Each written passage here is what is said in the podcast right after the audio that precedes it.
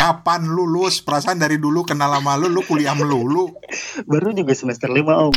Kamera lubang jarum teh naon. Oke, okay, uh... Eh. soalnya kamera yang gua tahu tuh kamera yang di HP atau kamera DSLR gue gitu. Apalagi generasi milenial ya lebih kenalnya ke situ sih. Mm -hmm.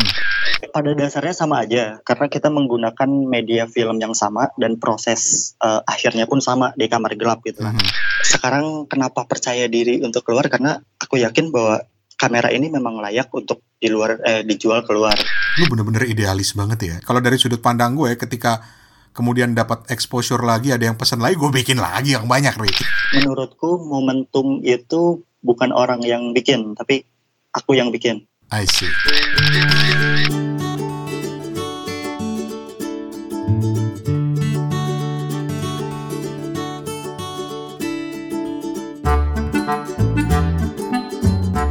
Hey, apa kabar? Assalamualaikum. Ketemu lagi di Suarane Podcast, sebuah podcast yang isinya melulu ngobrol, ngobrol, ngobrol dan ngobrol dengan siapa pun, tentu untuk mendapatkan cerita dan manfaat, bukan sekedar ngobrol kosong atau omong kosong doang. Dan ini adalah Suarane Podcast episode ke-25 bulan September 2018. Nama gue masih Rane Hafid dan gue juga masih nge-podcast dari Bangkok, Thailand. Sawadikap. Nah di episode ini gue mau kenalin lo sama temen gue yang seperti kebanyakan dari kita, dia juga punya hobi. Tapi yang membedakan dia ini serius banget sama hobinya cuy. Lu bakal tahu nanti sampai seserius apa dia dengan hobinya dan hey, siapa tahu bisa jadi inspirasi buat lo semua dalam berhobi. Nah ngomong-ngomong soal hobi, banyak pasti di sini yang suka fotografi, ya kan? Nah pernah denger nggak kalau belakangan ini fotografi analog justru yang lagi tren? Jadi ini gara-gara orang-orang ngetop kayak dokter Tompi gitu yang lagi gandrung-gandrungnya sama fotografi pakai film dan kamera analog ini jadi ngetop lagi gitu. Nah, temen gue ini lebih gila lagi cuy. Lo pernah denger nama kamera lubang jarum gak? Kamera lubang jarum. Ini jenis kamera yang bisa dibilang engkongnya kamera karena bekerja dengan prinsip paling dasar, prinsip paling purba dari fotografi, dan karena itu nggak perlu lensa yang mahal-mahal, nggak perlu lensa bahkan, nggak perlu kamera yang juga mahal, dan malah bisa dibikin pakai apa aja nih kamera. Pakai kaleng bisa, pakai pipa bisa, pakai kardus bekas bisa, apa aja deh. Lo nggak percaya, lo denger aja langsung nanti dari Ari. Ari itu nama teman gue, tamu kita kali ini dan lebih kerennya lagi, dia ini terus memproduksi kamera lubang jarum sendiri dari kayu bekas dan laris cuy, laris manis sampai ke luar negeri juga sih dengar-dengar begitu. Benar enggaknya kita tanya juga nanti. Oke lah, kita dengerin aja langsung cerita teman gue Ari Haryana nama lengkapnya, anak muda dari Bandung yang sangat kreatif ini. Yo coy, sebagai generasi milenial, gue gaulnya emang sama anak-anak seumuran gue. Eh, aduh, apa sih?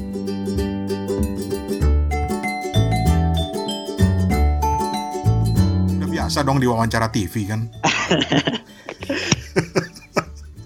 kan kan lu udah beberapa kali kan di CNN pernah di mana tuh di Kompas ya Kompas oke okay. ya wes jadi sekarang gue udah tersambung sama temen gue Ari Ari Haryana tapi kita biasanya panggilnya Ari dan Ri, kumaha ada mang? Alhamdulillah saya. lu lu asli Sunda emang? Asli Sunda. Lahir di Purwakarta, gede di Bandung. Oke. Okay. Hari ini uh, sehari-harinya seorang koreksi gua kalau salah ya, Ri. Lu tuh seorang web developer atau programmer, pokoknya orang IT gitu ya? Ya. Uh, spesialisasi lu apa? Kalau kerjaan uh, web developer lebih ke mm -hmm. front end juga dapat, uh, back end juga ngerjain ya lebih ke bikin-bikin website kayak gitu sih paling uh, microsite microsite atau website sistem informasi. Hmm. Uh, kalau kerjaan kayak gitu, kalau Senin sampai Jumat ya itu pekerjaan utama. Terus kalau Sabtu itu ya kuliah, kebetulan masih kuliah juga. Kapan lulus? Perasaan dari dulu kenal lama lu, lu kuliah melulu. Baru juga semester lima om. Kemarin cuti. Nah, oh gitu? Ya gara-gara ngurus dan fokus di lubang jarum inilah jadi salah satu alasannya. Tambah jauh ntar atau mah ngelamar si teteh kalau nggak lulus lulus. Sip udah tenang. Udah tenang. Oke, okay. Ri, uh, lu justru gua kenal itu pada saat lu udah berkecimpung di komunitas yang disebut sebagai komunitas lubang jarum atau KLJ. KLJ. KLJ itu komunitas lubang jarum atau kamera lubang jarum? Kalau kita bicara soal KLJ itu kamera lubang jarum, tapi kalau ada i belakangnya itu komunitas lubang jarum Indonesia. Oke. Okay. Jadi kalau mau bilang komunitas harus lengkap KLJI, jangan KLJ kalau KLJ kameranya bukan komunitasnya. Oke, okay. dan dari situ gue mulai tertarik karena memang dasarnya gue suka fotografi, tapi kemudian gue baru kenal tuh yang namanya kamera lubang jarum ya tenaon gitu. Mungkin kita akan mulai dari situlah. Jadi anggap aja gue bener-bener nol lagi, gue nggak paham supaya teman-teman yang nggak ngerti itu bisa jelasin apa itu kamera lubang jarum. Terus nanti kita akan ngobrol soal kamera hasil kreasinya Ari yang eh, kamera model lubang jarum tapi kreasi dia dan kemudian nanti kita akan ngobrol lebih jauh. Jadi yang pertama sekali harus kita tanyain adalah kamera lubang jarum tenaon. Oke. Okay, uh... Eh, Soalnya kamera yang gue tahu tuh kamera yang di HP atau kamera DSLR gue gitu. Apalagi generasi milenial ya lebih kenalnya ke situ sih mm -hmm. kebanyakan. Uh, Oke. Okay. Uh, kamera lubang jarum atau pinhole kamera itu sebenarnya uh, sebuah kamera tanpa lensa yang bisa kita buat dari barang apa pun sebenarnya. Okay. Hanya dengan syarat uh, si media apa benda tersebut memiliki ruang dan kedap cahaya. Uh, lalu si benda tersebut memiliki sebuah lubang kecil untuk memproyeksikan cahaya menjadi sebuah gambar visual dengan posisi terbalik semacam kayak gitu sih. Jadi sebenarnya uh, dengan prinsip kita punya kotak terus memiliki ruang ya tentu terus dia kedap cahaya terus si kotak itu kita lubangi dengan lubang jarum uh -huh. itu sebenarnya udah bisa kita sebut dengan kamera om. Oke. Okay. Uh, sebenarnya prinsip dasarnya seperti ini. Ketika kita punya sebuah kotak yang memiliki yang tadi ruang apa ruang gelap dan memiliki lubang kecil, uh -huh. otomatis ketika dihadapkan ke sebuah objek yang terkena sinar matahari yang cukup, uh -huh kita taruh aja sinar matahari, sebenarnya otomatis si cah si objek tersebut akan memantul ke dalam lubang kecil itu, lalu terproyeksi ke dalam dengan posisi terbalik sumbu x. Itu kita uh, prinsip dasarnya seperti itu, teori optis. Oke. Okay. Nah itulah yang kita rekam seperti sebenarnya itu kan basic basic fotografi. Nah kita mengandalkan kamera lubang jarum ini mengandalkan prinsip itu. Tapi kalau misalnya pakai logika uh, kalau lagi gerhana gitu ya, Terus kan ada tuh ada beberapa sekolah termasuk sekolah uh, ponakan gue tuh yang ngajarin pakai kardus gede gitu ya, ya dibolongin terus nanti bisa ngelihat gambar gerhananya di dalam kardusnya. Itu seperti itu nggak sih? Iya, sama sama persis. Itu tuh namanya kamera obscura tuh seperti itu bentuknya. Oke. Okay. Yang biasa kita bawa setiap workshop tuh justru kamera-kamera seperti itu. Nah itu tuh nggak perlu nggak harus ke gerhana matahari, nggak perlu ke gerhana, tapi ke objek yang terkena sinar matahari pun ketika dilihat e, di teropong gitu si objeknya tuh masuk ke dalam terproyeksi dengan posisi terbalik nah sebenarnya sama aja kayak gitu oke okay. itu prinsipnya tapi kemudian kan gambar hasil pemantulannya ini harus disimpan kan nyimpannya gimana nah uh, kan kamera obscura tadi cuman fungsinya untuk memproyeks, memproyeksikan apa uh, objek ya kan. Mm -hmm. Tapi pertanyaan berikutnya yang tadi, uh, gimana caranya menjadikan objek yang terproyeksi uh, tersebut menjadi sebuah data yang permanen atau kita sebut dengan foto ya kan. Mm -hmm. Nah kita ya butuh yang namanya media rekam. Biasanya ada ada kalau media rekam zaman dulu mungkin ada kertas uh, emulsi, terus juga film 35 juga itu termasuk kan, terus 120 ataupun sensor digital itu sih. Itulah yang yang akan uh, merekam apa yang terproyeksi ke dalam si kamera obskuranya itu. Termasuk sensor digital juga bisa. Iya, bisa. Itu itulah yang dipakai oleh kamera-kamera digital kan. Nah, di mungkin di kalau kita perhatikan di kamera DSLR seperti itu ada mirror kan di dalamnya ada kaca. Hmm. Jadi dari titik lensanya itu uh, dia diarahkan ke kacanya dulu lalu dipantulkan ke sensor. Makanya apa yang kita lihat di apa di kameranya sesuai dengan apa yang kita lihat di nyatanya kan. Mm -hmm. Karena sudah dibalikan dulu, sudah dimirrorkan lagi. Jadinya sebenarnya itu kebalik kan apa yang ter terekam itu sebenarnya kebalik. Tapi dipantulin sama si kacanya itu jadi dibalikin lagi jadi sesuai. Dan prinsip dari kamera lubang jarum ini adalah sebenarnya prinsip fotografi yang paling dasar. Nah, Kemudian yang paling umum digunakan oleh lo dan teman-teman para penggemar kamera lubang jarum sebagai media penyimpanan itu apa, Ri? Awal-awal mungkin kalau untuk workshop dan belajar sih biasanya kita menggunakan kertas foto emulsi. Mm -hmm. Kertas foto uh, dia sama uh, sensitif sama cahaya dan dia bisa uh, apa ya bisa ngerekam itu juga tapi biasanya cuma hitam putih doang nggak bisa berwarna. Oke. Okay. Itu yang agak uh, yang buat kita workshop tuh karena kalau si kertas itu relatif lebih lama perekamannya jadi uh, kita juga uh, pengen ngajarin ke teman-teman yang mau belajar bahwa prosesnya emang nggak semudah nggak uh, secepat kamera-kamera lainnya gitu. Mm -hmm. Nah setelah itu tahapan berikutnya biasanya kita menggunakan film 35 mili klise klise kayak Kodak film kayak gitu. Uh -huh. Uh -huh. Itu juga bisa pakai berwarna mungkin kalau lebih expertnya ya itu tadi pakai 35 mili uh, itu bisa pakai berwarna dan black and white juga. Oke, okay, gini. Dari cerita lo tadi mungkin ada yang lantas mikir, buset ribet banget ya penjelasannya atau susah amat sih memotret doang gitu loh. Tapi sebagai ilustrasi, tolong koreksi gue kalau salah. Lu pernah ngajarin anak-anak kecil tentang kamera lubang jarum? Iya betul, sering sih jatuh. Itu apa yang lu apa, apa yang lu lakuin Ri? Karena ini anak kecil kan untuk membantu pemahaman anak kecil gitu. Apa yang lu lakuin? Alat apa yang lu pakai? Terus apa yang mereka lakukan gitu? Uh, kan sebenarnya di komunitas lubang jarum Indonesia ini kita juga punya salah satu misi untuk mensosialisasikan pinhole kamera ini. Jadi ya salah satu cara terbaik untuk mensosialisasikan mungkin dari anak kecil supaya emang dididik uh, bahwa alat-alat teknologi yang selama ini kita pakai juga dulunya seperti itu maka dari itu targetnya kita anak-anak TK, anak SD kita ajarin untuk membuat kamera lubang jarum. Hmm. Nah, untuk proses workshopnya sendiri biasanya kita kasih dulu beberapa teori sejarahnya seperti ini. Dulu itu tercipta kamera itu dari uh, dari mulai hanya sebuah gua yang ternyata uh, dia apa si gua itu ada sebuah titik kecil lalu diproyeksikan ke ke guanya itu lalu hmm uh, terekamlah jejak-jejak uh, purba di gua itu terus juga uh, nah itu kan cuma hanya sebatas teori doang terus uh, langkah selanjutnya biasanya kita ajarin cara membuat kameranya biasanya dari barang-barang sederhana seperti kaleng uh, uh. terus juga ada pipa juga kadang-kadang uh, kita bikin dari kardus juga kotak sepatu lah apalah gitu kita pokoknya manfaatin barang-barang yang ada uh mhm. -huh. untuk membuat sebuah kamera dari dari barang-barang yang mereka bawa biasanya. Mm -hmm. Setelah itu barulah kita ke tahap memotret. Nah dari situlah anak-anak itu disuruh mencari gini, uh, dikasih tahu caranya.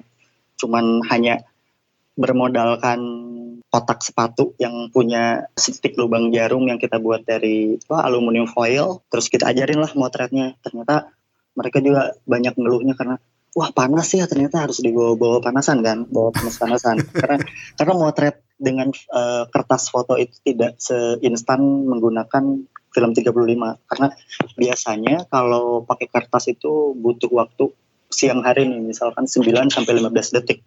Beda kalau pakai film yang cuma 1 sampai 2 detik kan udah jauh. Jadi prosesnya juga kita ajarin di situ. Jadi bahwa setiap proses yang apa setiap hasil mm -hmm. karya itu memang harus ada prosesnya dan kita coba push di situ supaya anak-anak aware bahwa segala sesuatunya memang harus ada prosesnya dan kamu kalau pengen uh, bagus karyanya uh, prosesnya juga ya yang nggak semudah apa yang kamu bayangkan gitu. jadi mm-hmm.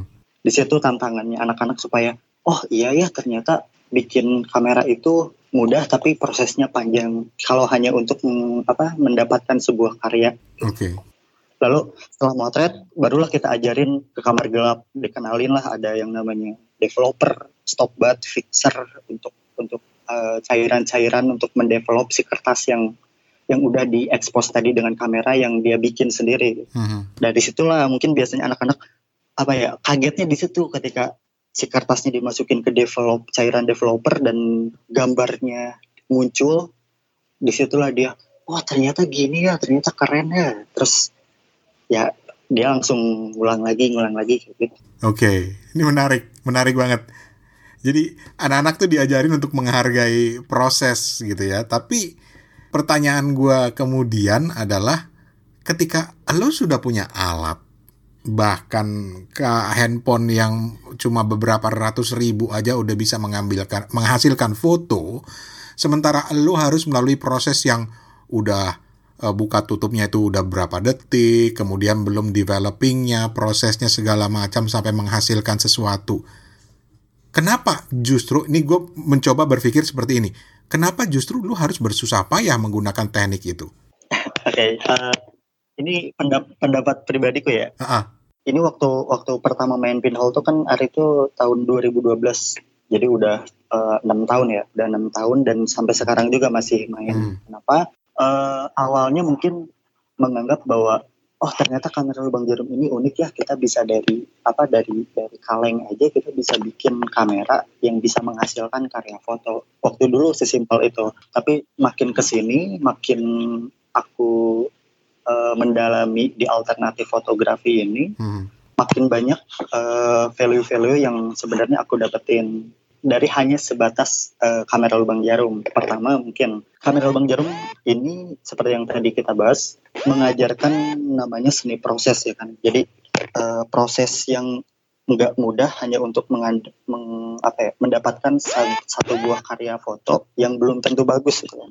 Karena kan kita motret kita harus masuk kamar gelap kita uh, eh, cuci hmm. dan hasilnya tuh belum tentu sesuai hmm. dengan apa yang kita inginkan nah dari situ juga aku ngelihat bahwa wah ternyata ini nilai kehidupannya sih. Jadi lebih belajar tentang kehidupan bahwa segala sesuatu itu nggak memang nggak selalu berjalan dengan apa yang kita bayangkan. Itu sebenarnya dulu tuh mikirnya ke situ. Terus semakin ke sini makin aku belajar makin aku banyak uh, cari tahu tentang alternatif fotografi ini mm -hmm. malah makin seru nih.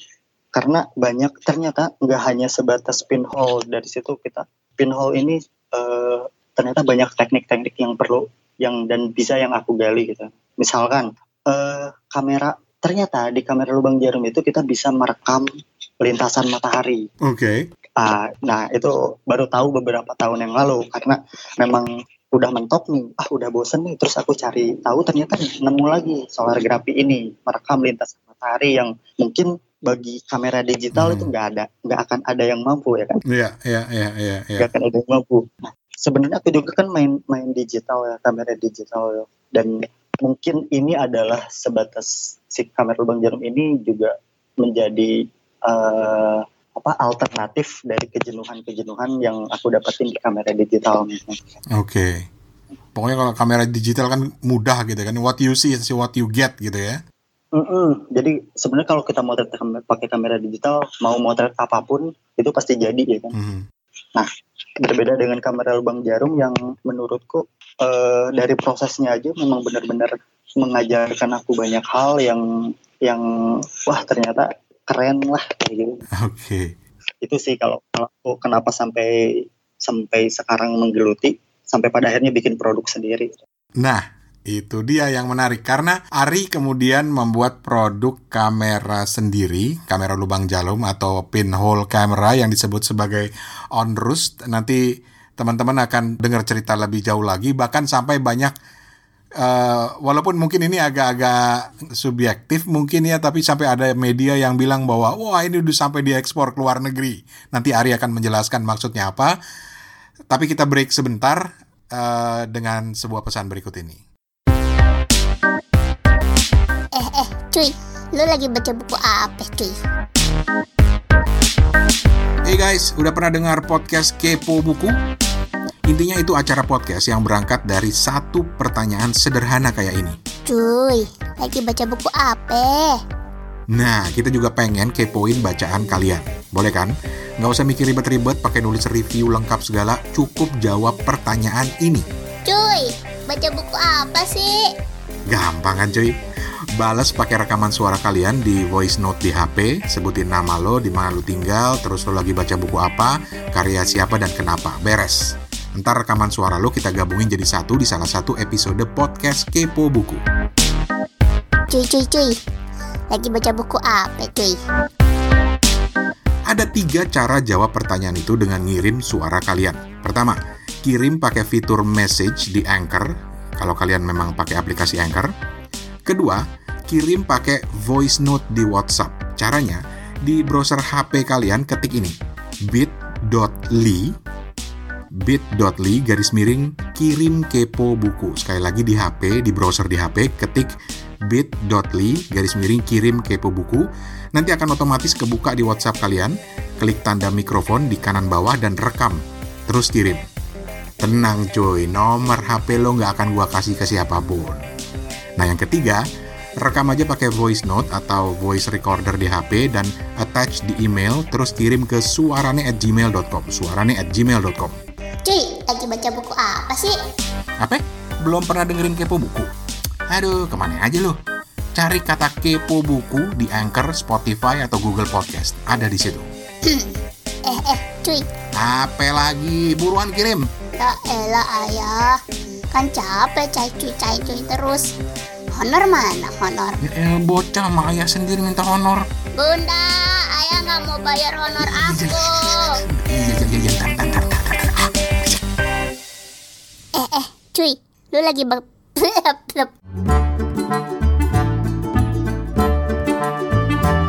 Oke, kita sekarang balik lagi sama Ari Haryana di Bandung, eh, salah satu penggila kamera lubang jarum. Ri, kalau di Indonesia yang lu tahu lah paling nggak ya, ada seberapa banyak sih, seberapa besar sih komunitas orang yang menyukai fotografi dengan kamera lubang jarum nih, Ri? Kalau terakhir aku lihat sih di kita bicaranya soal kota aja dulu ya. Soal Mhm. kalau perorangan mungkin agak agak sulit juga. Eh, kemarin terakhir itu 38 kota. Rata-rata kota-kota besar itu udah ada. Wow. Jadi komunitas lubang jarum Indonesia ini kan udah eh, terakhir aku update sih 38 kota. Jakarta, Bandung, Surabaya, kota-kota besar alhamdulillah sudah sudah eh, banyak peminatnya. Mhm. Tapi kalau bicara soal analog fotografi, ya itu ternyata ekosistemnya udah udah banyak banget. Itu itu fotografi lubang jarum itu tentu analog gitu kan dan Betul. anak-anak muda sekarang juga banyak terjun kembali ke fotografi yang menggunakan film. Apa sih itu analog juga kan? Jadi Iya. bisa nggak sih kita sebut dalam artian bahwa ketika mereka berminat pada fotografi yang sifatnya analog, kemudian ke lubang jarum itu gimana sih? Pada dasarnya sama aja karena kita menggunakan media film yang sama dan proses eh, akhirnya pun sama di kamar gelap gitu kan. Mhm. Tapi yang membedakan pinhole dengan eh, analog itu ya mereka kameranya beli ya kan. Mhm. Sedangkan kami bikin gitu. Itu doang beda kamera doang. Nah, itu dia. Anak-anak sekarang kan eh, lagi seneng nih balik ke yang analog-analog kan. Jadi mereka kam- mod fotografi analog pakai film tapi masih pakai eh, kamera yang yang udah jadi, yang beli gitu kan. Nah, mau lebih anti mainstream lagi bikin sendiri kameranya, kamera lubang jarum namanya. Nah, Ari ini lebih gila lagi bahkan karena kemudian dia tertarik untuk membuat produk kamera lubang jarum yang yang ya memang pada dasarnya bisa dibikin dengan apa pun, tapi kemudian dia menghasilkan sebuah produk kamera lubang jarum sendiri yang disebut dengan onrust. Ini dibuat dari kayu. Jadi gue pernah beli kameranya Ari, pernah nyoba motret walaupun belum berhasil sepenuhnya, kayaknya perlu belajar lagi sama suhunya. Tapi yang menarik adalah karena orang tuh selalu ngeliat gue. Itu apaan bang? Itu kamera. Dah dari kayu. Lu bisa cerita nggak Ri? Eh, tentang onrust ini Ri? Eh, Oke, jadi Onrus pinhole ini yang belum tahu ya, eh, Onrus pinhole ini adalah sebuah kamera lubang jarum sederhana yang terbuat hanya dari eh, kayu jati. Sebenarnya kayu jatinya itu dari limbah furnitur, Om. Mm-mm. limbah furnitur yang atau kalau orang-orang Bandung biasanya sebut sih eh, bongkaran, bongkaran furnitur rumah tangga seperti itu. Hmm. Eh, si kamera ini menggunakan atau memiliki sebuah fitur sederhana dan serba manual tentunya.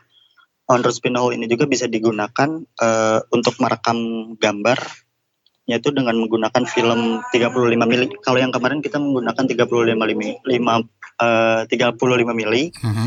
Terus yang sekarang kita lagi develop juga untuk medium format menggunakan eh, film 120 mili Oke. kalau gambaran si si produknya seperti itu sih sebenarnya eh, simpel banget Buat gambaran teman-teman aja yang nggak ngerti, nanti lu bisa lihat di websitenya Ari atau nanti kita minta alamat websitenya. Bayangkan sebuah kotak empat persegi panjang dari kayu warna coklat gitu ya. Terus ada alat pemutar untuk filmnya di atasnya. Terus di depannya itu ada kayak apa ya shutter istilahnya untuk membuka dan menutup pada saat proses lu mengambil gambar gitu. Nah, kenapa lu tertarik kemudian untuk membuat uh, kamera lubang jarum yang yang seperti yang lu bikin sekarang ini, Ri? Latar belakang utamanya sih karena uh, aku kan waktu eh mulai ini tuh tahun 2014.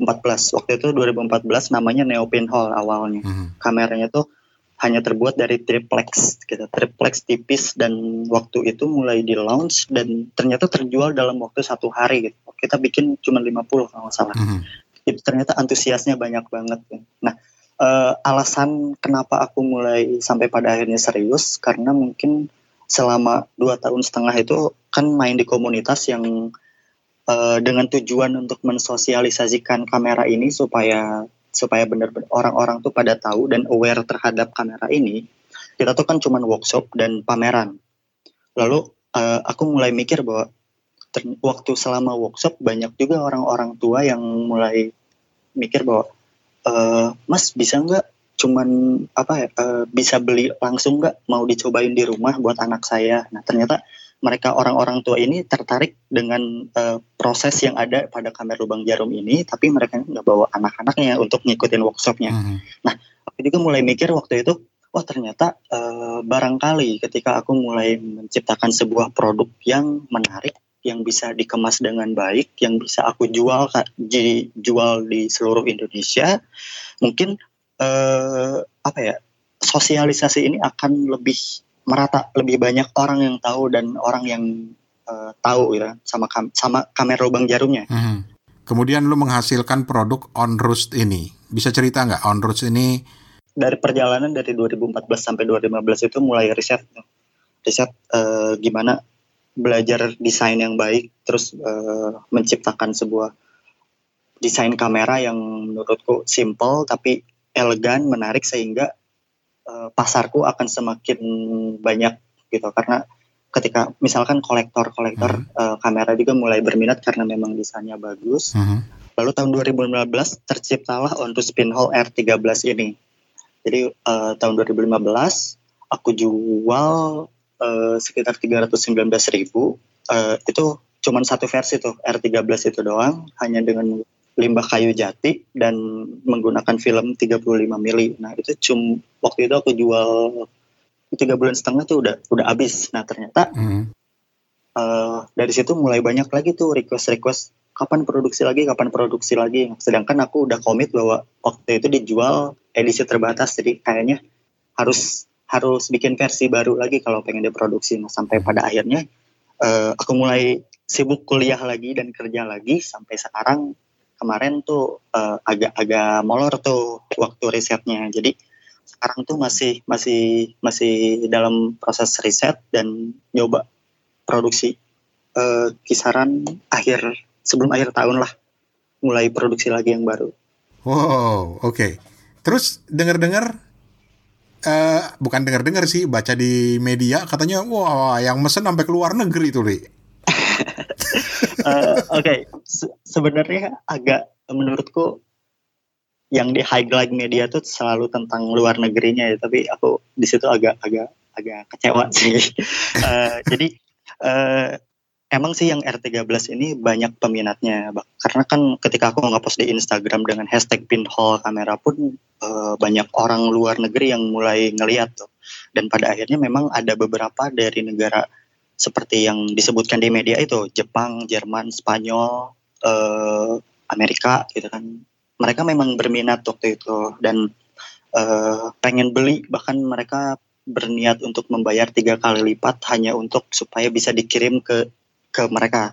Tapi uh, waktu waktu itu aku cuman mikir bahwa wah uh, ekosistem di Indonesia tuh masih di uh, ekosistem perpinholan ya. Perpinholan di Indonesia tuh masih belum merata. Jadi kayaknya aku hold dulu deh. Jadi waktu itu emang gak dilepas sih sebenarnya. Jadi ketika di media dibilang banyak yang berminat dari luar negeri memang banyak tapi memang banyak. lu hold gitu ya? Betul kenapa ri? Lu padahal ada yang ada yang nawar nawar sampai tiga kali lipat. Lu kenapa nggak mau lepas aja sih? Oke okay, lu udah jelasin tadi sih tapi kadang-kadang gue mikirnya gini men lu ada kesempatan di situ gitu loh. Ya di produk berikutnya udah rencananya memang ke sana. Jadi mikir juga kemarin aku juga belum pertama juga belum terlalu pede dengan desainnya. Jadi mikir hmm. wah lebih baik mundur uh, untuk untuk bisa melompat lebih tinggi daripada aku langsung loncat pada akhirnya yang nggak nggak nggak apa ya nggak dapat uh, lebihnya gitu. Ya lebih baik nahan dulu lah tapi nantinya bakal lebih bagus uh, exposure dan responnya daripada aku maksain keluar pada akhirnya malah ya udah sekedar tahu doang orang. Jadi nggak nggak terlalu wah ternyata keren. Yang pinhole yang sekarang ini berarti udah nggak ada lagi di pasaran? Nggak udah sold out yang kemarin udah sold out. Jadi sekarang lagi ngehold dulu nih. Makanya kemarin waktu naik lagi exposure karena media itu uh, banyak yang pada akhirnya apa istilahnya waiting list gitu. Jadi dia subscribe ntar kalau ada launching kabarin ya kabarin ya kabarin ya nah kita baru ngelis itu doang sih jadi nanti hmm. ketika produksi dan mulai dijual udah ada lah pasarnya udah banyak user yang berminat seperti itu lu bener-bener idealis banget ya. Dalam artian gini kalau dari sudut pandang gue ketika kemudian dapat exposure lagi ada yang pesan lagi gue bikin lagi yang banyak nih tapi menurutku momentum itu bukan orang yang bikin tapi aku yang bikin. I see. Nah jadi ketika aku mulai apa ya produksi aku yakin bahwa aku bisa menciptakan momentum itu. Jadi kemarin exposure naik ya memang karena udah karena karena ya karena ada media itu tapi nanti ketika aku produksi aku yakin momentumnya itu dapat lagi kok. Oke. Okay. ini terlalu percaya diri sih sebenarnya. Tapi justru terlalu percaya diri ya. Ya. Nggak apa-apa ya nggak apa-apa nggak apa-apa ya. gue respect respect banget gue dengan dengan pola pikir lo yang seperti itu. Dan selanjutnya ya lagi-lagi ini kita ngobrol begini pada akhirnya lu juga mendapatkan exposure dan orang yang lagi dengerin mungkin akan bertanya-tanya kalau gue mau tahu lebih jauh tentang uh, kamera lubang jarum, ke mana gue harus cari infonya? Lu bisa bantu nggak? Oke, okay, uh, eh, kalau di website kita bisa uh, visit di ontospinhole.com. Di situ baru landing page doang sih tentang apa itu kamera lubang jarum ini, terus apa tujuan kita menciptakan kamera ini. Uh, di website itu informasi lebih lengkapnya. Terus kalau pengen lihat produk-produknya, uh, foto-fotonya, hasil karyanya bisa juga di Instagram. Instagramnya sama on to spin hall. Hmm, terus di Facebook, di Facebook juga, Twitter juga on to spin hall semuanya O N R U S T P I N O H O L E. O N R U S T P I N H O L E. Betul. Oke, okay, onrootspinhole.com dan akun Instagramnya onrootspinhole. Ri, bagi mereka yang tertarik setelah mendengarkan ini, uh, bagaimana caranya lu set apa ya, set ekspektasi mereka terhadap uh, fotografi lubang jarum? Karena bisa aja kan begitu gua ngeliat hasilnya, ya masih bagusan kamera handphone gue hasilnya gitu loh. Padahal memang dari segi hasil kan ya memang berbeda kan namanya hasil uh, kamera pinhole dengan kamera digital gitu. Jadi bagaimana lu set harapan orang ketika mereka sudah mulai menunjukkan ketertarikan pada kamera lubang jarum? Kalau kita mengharapkan hasil yang bagus uh, dengan kamera lubang jarum ini, kalau bicara soal kualitas warna dan sebagainya kalau kalau misalkan dibandingkan dengan kamera digital kita nggak nggak mungkin uh, sampai bisa menang om. Iya. Dari kecepatan juga kita beda jauh terus dari hasil dari uh, warna dari kontras uh, juga akan beda jauh dengan kamera-kamera yang lainnya. Maka dari itu uh, kalau misalkan pengen berminat untuk uh, bermain kamera lubang jarum jangan ngelihat ke situnya deh tapi ngelihat ke uh, prosesnya ngelihat ke uniknya mungkin. Terus juga di kamera lubang jarum ini kita bisa mengeksplor banyak hal termasuk uh, yang nggak bisa dipakai di kamera-kamera yang lainnya. Mungkin misalkan uh, salah satu keunikan di kamera lubang jarum kita bisa multiple lens om. Jadi bisa sampai empat lensa lima lensa enam lensa. Nah sebenarnya kamera lubang jarum ini uh, media untuk eksperimentalnya itu besar banget. Salah satunya ya tadi. Jadi kalau misalkan bicara soal karya bicara soal hasil itu mah bonus sebenarnya menurutku. Bagus enggaknya ya ter, ya tergantung tergantung selera juga. Tapi kalau bicara soal yang tadi kita lah bisa menang. Prosesnya iya dapat kesabaran juga tentu. Jadi latihan buat anak-anak juga memang benar-benar uh, bagus banget. Karena ternyata uh, banyak juga si kamera lubang jarum ini masuk ke kurikulum kurikulum di uh, eh, SD di bahkan di universitas pun masuk jadi ya, sarana pembelajarannya uh, bagus banget sih menurutku kayak gitu. Iya. Betul. Kalau kemudian ada yang berharap memang hasilnya yang yang nggak itu yang yang dicari gitu ya. Kalau ada yang bilang, eh gue bisa selfie nggak pakai kamera lubang jarum? Nah itu kan jadi jatuhnya lebih ke eksperimental yang tadi aku bilang kan. Jadi aku juga pernah uh, nyobain selfie. Jadi uh, ternyata okay. gerak nih karena susah gitu kan. Karena waktu ngebuka hmm. slide shutternya itu kan harus digerakkan dengan jari berbeda dengan kamera-kamera yang hmm. tinggal klik dia nutup eh dia buka dan tutup sendiri kalau ini kan buka manual tutup manual itu kan pada akhirnya hasilnya goyang wah terus gimana nih caranya supaya uh, si hasilnya tuh nggak goyang ketika kita pakai selfie kita tambahin lagi uh, hmm. misalkan mekanik dari Arduino seperti itu supaya bisa uh, buka tutupnya tuh manual eh otomatis sehingga kita bisa selfie. Nah, itu sebenarnya eksperimental eksperimental kayak gitu tuh bisa dieksplor di sini. Gitu ya. Jadi jadi gimana gimana cara kita memecahkan masalah dan menemukan solusinya sih. Jadi nggak asal terima jadi semuanya gitu. Jadi dan lu udah berhasil selfie dengan kamera lubang jarum? Pernah waktu itu kameranya pakai kaleng waktu tahun 2015 kan Oke. Okay. Dan kalau ada yang mau lihat hasil-hasil foto dengan kamera lubang jarum lu ke mana nih orang bisa ngelihat? Di Instagram ada di uh, Instagramku di Ari Arye Haryana situ bisa uh, walaupun sebenarnya karya-karya yang aku upload di On Spin Hall tuh karya-karyaku kebanyakan. Mm -hmm. Jadi bisa lebih banyaknya di situ sebenarnya daripada di Instagram. Gitu ya. Jadi yang mau ngelihat hasilnya kayak begitu, uh, jadi ketika lo berpikir bahwa this is just another camera gitu ya itu salah gitu karena pada akhirnya lu akan berpikir hasil tetapi prosesnya yang jauh lebih menarik. Nah, kalau mau belajar lebih jauh ke Ari boleh nggak Ri? Kontak langsung lu Ri. Oh boleh banget kalau misalkan di luar kota Bandung ya bisa uh, hubungi aku lah gampang.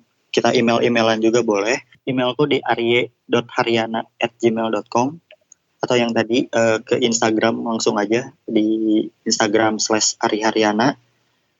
Nah kalau misalkan di Bandung sih enaknya ketemuan biasanya biasanya juga banyak nih mahasiswa mahasiswa mahasiswa mahasiswi yang itu yang penting i-nya itu jangan ketinggalan.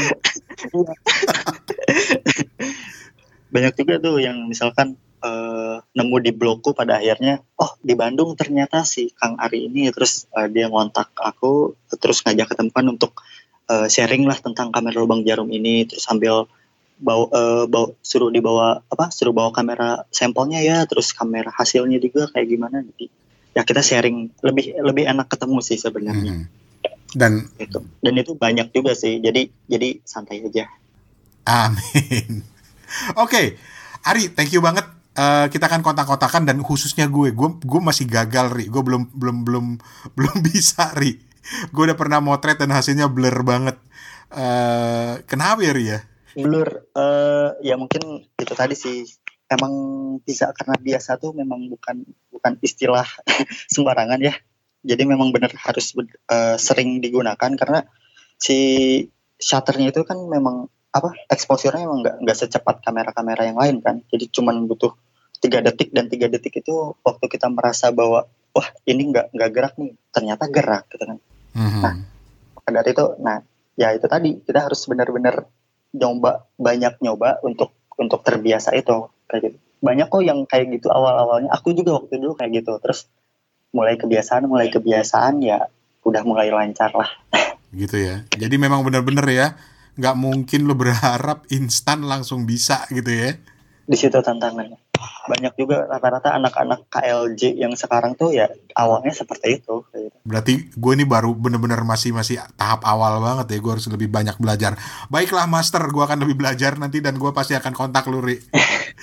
so, thank you banget Ari Haryana. Uh, nanti gue juga akan share uh, beberapa alamat websitenya buat uh, teman-teman yang berminat. Tapi pokoknya sukses banget buat Luri. Ya, terima kasih Om. Terima kasih banyak.